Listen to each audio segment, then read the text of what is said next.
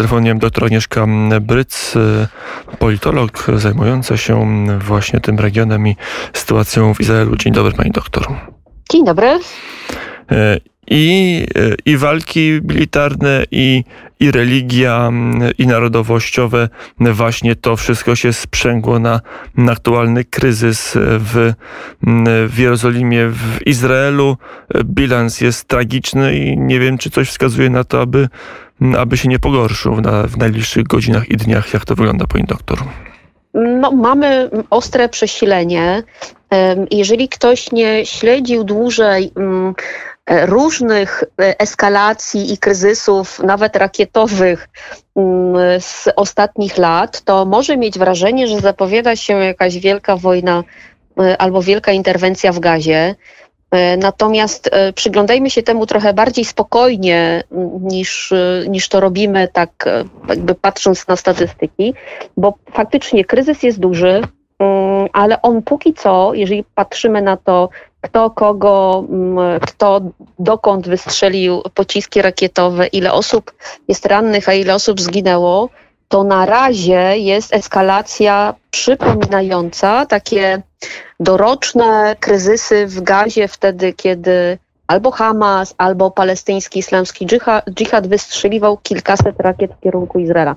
Na razie jesteśmy na tym etapie. Natomiast to wszystko może się zmienić, mm, ponieważ wystarczy y, też pośledzić komentarze ze strony izraelskiej, by mieć poczucie, że Izraelczycy mm, będą chcieli, znaczy będą chcieli zrealizować E, taką bardziej poważną, powiedziałabym, i bardziej zaawansowaną operację niż takie rutynowe reagowanie, jakie to miało miejsce w ostatnich latach a nawet, y, a nawet dwa tygodnie temu, bo jeżeli sobie przypomnimy to, czy ktoś z Państwa, albo nie wiem, czy Pan redaktor pamięta, żeby dwa tygodnie temu świat też reagował na wystrzelonych ponad 30 kilka rakiet z autonom, znaczy z, ze strefy gazy w kierunku Izraela.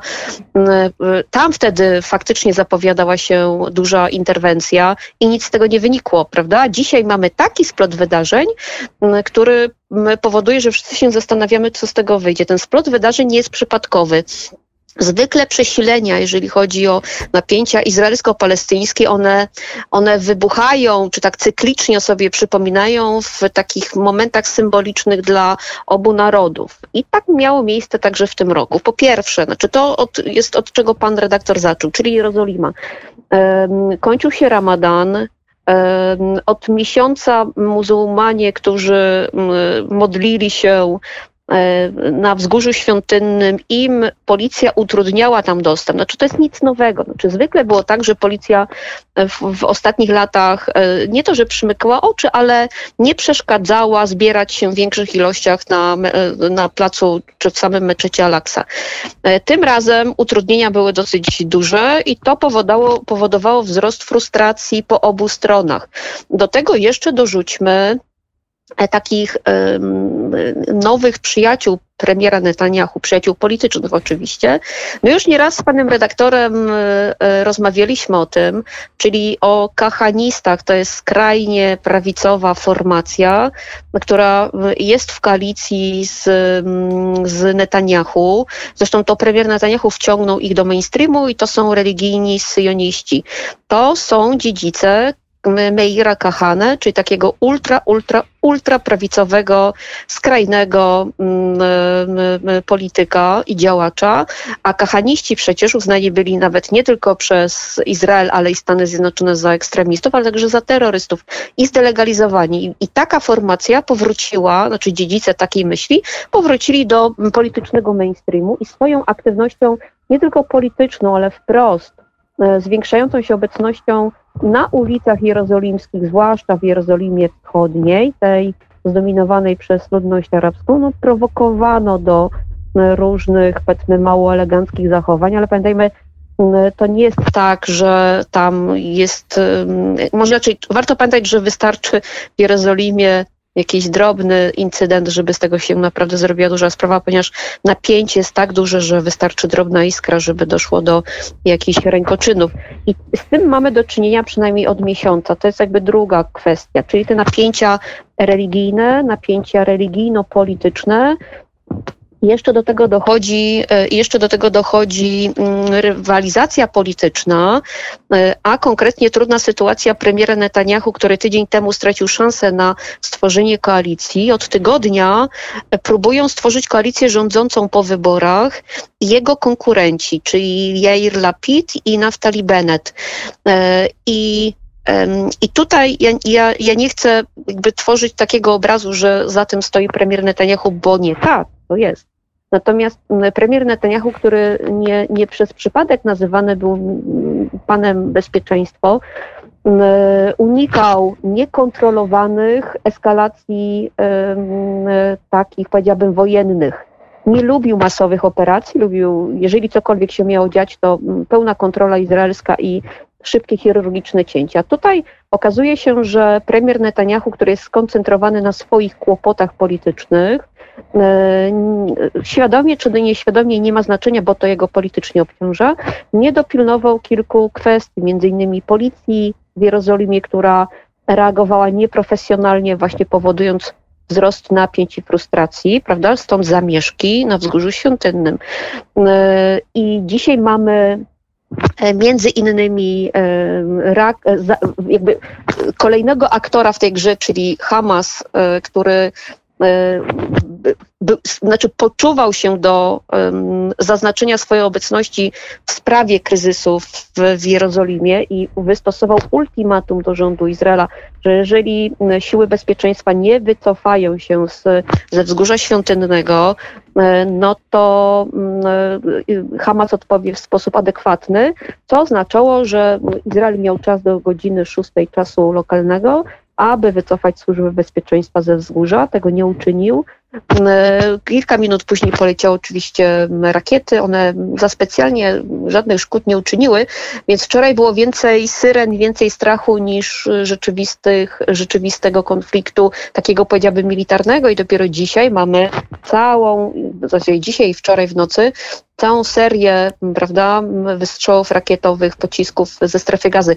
Więc przemiesza nam się wiele wątków i między innymi jeszcze wątek o którym ja zapomniałam wspomnieć, a powinnam, to jest sprawa, która wzburzała opinię publiczną, nie tylko palestyńską, ale także międzynarodową, a także izraelską, ale tu chodzi o raczej Izraelczyków o poglądach propokojowych, a mianowicie na północ od Starego Miasta jest taka dzielnica arabska, która się nazywa Sheikh Jarrah, zdominowana przez ludność palestyńską, muzułmańską. I w zasadzie problem polega na tym, że od trzech dekad tam trwa wielki spór prawny.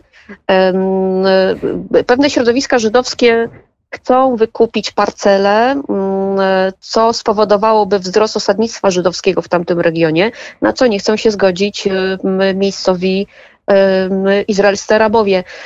E, I to też spowodowało liczne napięcia, bo mieliśmy, jeżeli pan redaktor pamięta, na pewno zdjęcia widzieliśmy, oglądaliśmy z zamieszek na samym wzgórzu świątynnym, czyli na Starym Mieście i zamieszki właśnie w tej dzielnicy na północ od, e, od Starego Miasta, czyli w Sheikh Jarrah, tam gdzie bili się ze sobą kochaniści, re, religijni, syjoniści e, i kibice Bejtaru właśnie z palestyńskimi rezydentami.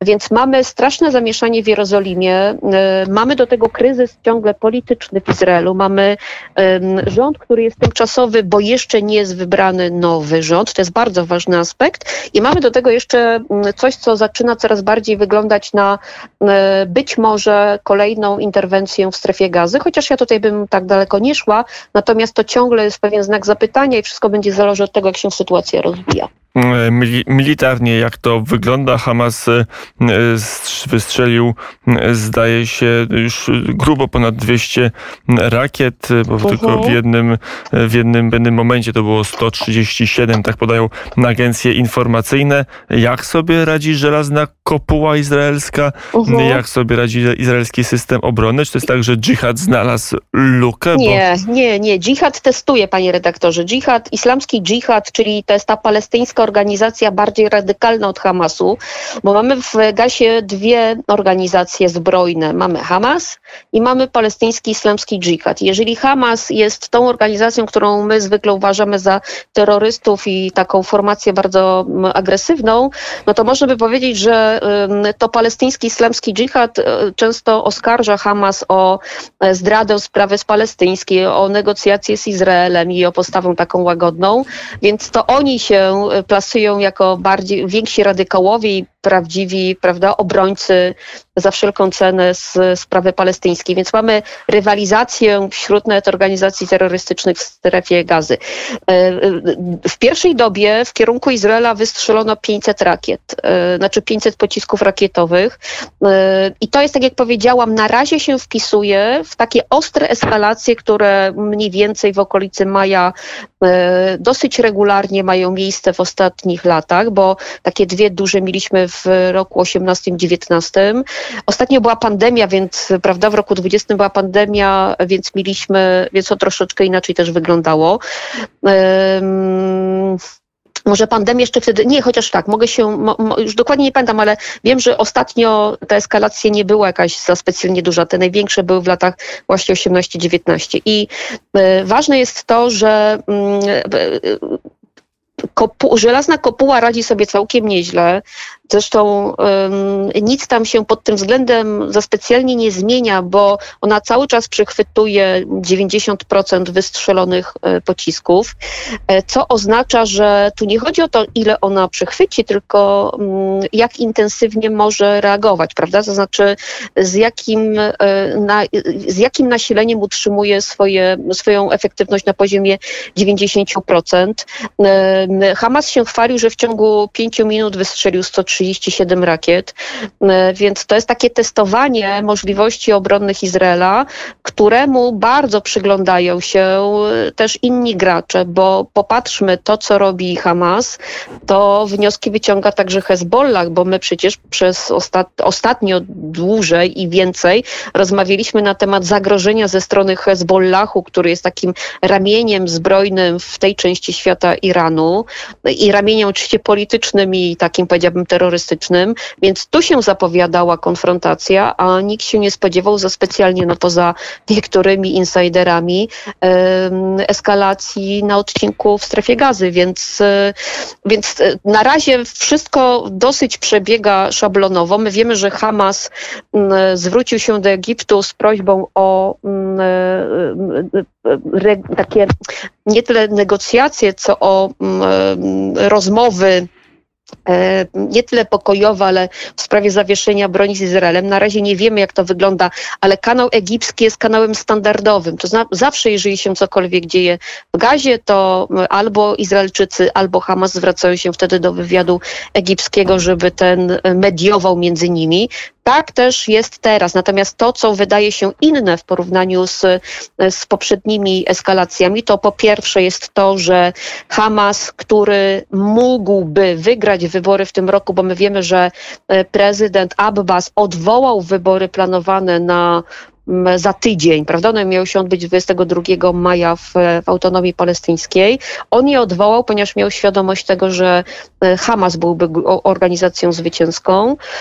E, I Hamas e, bardziej, znaczy prowadzi taką narrację, powiedziałabym, bardziej konfrontacyjną niż miało to miejsce wcześniej, e, ale ja też nie przesadzałabym, bo wpisywałabym tą taką bardzo buńczyczną retorykę w ich wewnętrzną rywalizację z palestyńskim islamskim dżihadem. To jest jedno, natomiast zastanawiamy się, jak długo potrwa ta eskalacja, czy będzie miała miejsce, czy ona się przekształci kształci w jakąś taką dużą operację lądową. E, pamiętajmy, że premier Netanyahu nie jest zwolennikiem takich operacji lądowych, bo on już przecież kilka ma za sobą i one nie przynoszą jakichś wielkich rezultatów. E, poza, prawda, poza powiedzmy komplikacjami później politycznymi, ale mamy duże, duże wzmocnienie także wojsk zmechanizowanych wzdłuż granicy z Gazą, więc można by powiedzieć, że ciągle wszystkie opcje są na stole. Na razie realizowany jest scenariusz taki standardowy, czyli ataki bardzo celowane, czyli to są te targeted killing, czyli eliminacja przywódców e, czy Hamasu, czy palestyńskiego islamskiego dżihadu w Gazie, plus bardzo konkretny, bardzo konkretny ostrzał na konkretne miejsca, zwłaszcza na te, skąd wystrzeliwane są pociski w kierunku Izraela, e, tak żeby minimalizować straty. Więc na razie opiera się to o takie rozwiązanie. Natomiast zakładamy, że cały czas być może opcja poważniejszej y, y, operacji jest na stole, natomiast ona wciąż jest mało prawdopodobna. Zobaczymy, jak będzie się rozwijała sytuacja. IDF zapowiada, że być może to będzie kilka najbliższych dni.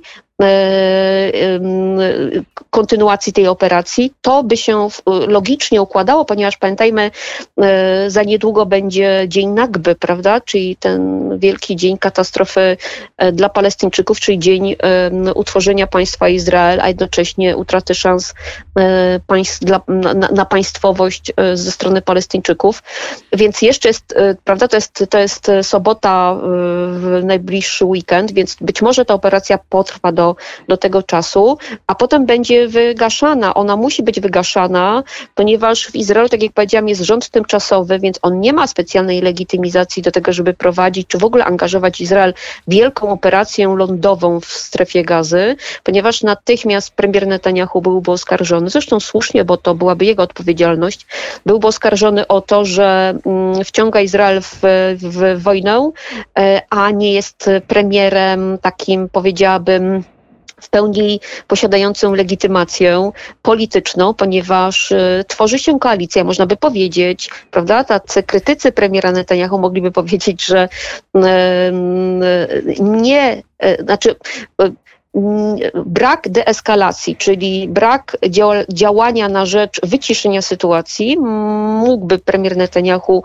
wykorzystać do tego, żeby jego konkurentowi nie udało się stworzyć z uwagi na polityczne i militarne okoliczności wystarczającej koalicji, żeby stworzyć nową, znaczy nowy rząd, e, który mógłby przejąć władzę i ostatecznie usunąć premiera Netanyahu z jego urzędu.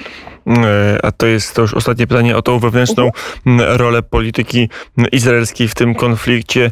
Nie jest tak, że na tego typu starciu, na eskalację tego typu konfliktu zyskuje jednak e, obecna władza, zyskuje Benjamin Netanyahu?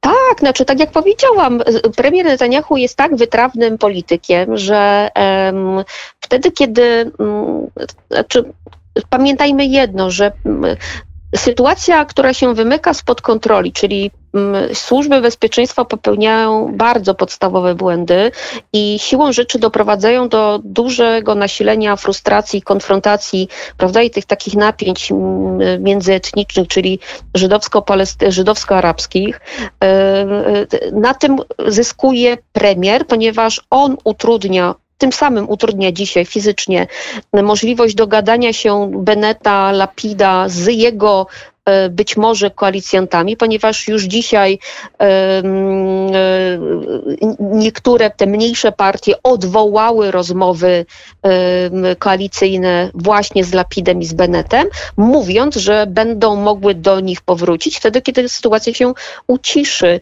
Więc pytanie, kiedy się sytuacja uciszy, a za trzy tygodnie, bo to już tydzień trwają te negocjacje, a za trzy tygodnie mija termin, czyli deadline, który ma Lapid Lapid i Bennett na stworzenie swojej koalicji, więc jeżeli premier Netanyahu będzie przyciągał e, eskalację w gazie, czy w ogóle eskalację e, no, na, na linii Izrael-Hamas, no to może naprawdę Lapid i Bennett, którzy mieli dużą szansę na stworzenie tej koalicji, mogą się nie dogadać.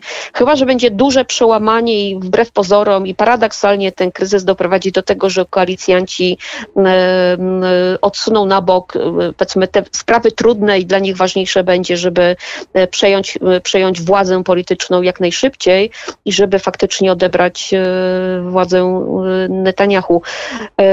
Ja bym powiedziała, że korzysta nie tylko premier Netanyahu, ale korzysta także na razie Hamas, który próbuje powiedzieć, korzysta w ten sposób, że dzięki eskalacji e, legitymizuje swoją władzę w gazie, która ciągle jest podgryzana, taka podszczypywana przez konkurencję z palestyńskiego islamskiego dżihadu, więc można powiedzieć, że na razie zyskują na obiektywnym, to nie chodzi na, na stworzonym sztucznie kryzysie, tylko na kryzysie, który narastał, tak jak prawda, pęcznieje pewna bańka i ona w końcu, e, i ona w końcu została rozerwana. E, natomiast dzisiaj e, korzystają póki co te dwie strony. Zobaczymy, jak się to będzie rozwijało. Dajemy, ja daję osobiście jeszcze kilka dni, pewnie za tydzień będę zadawała sobie kolejne pytania, w takim razie co dalej. To dla mnie kolejnym deadline'em jest właśnie weekend i Nagba i zobaczymy, czy później sytuacja nie będzie, nie będzie wyciszana. Mm, powiedziała doktor Agnieszka Bryc. Dziękuję bardzo za rozmowę. Dziękuję bardzo.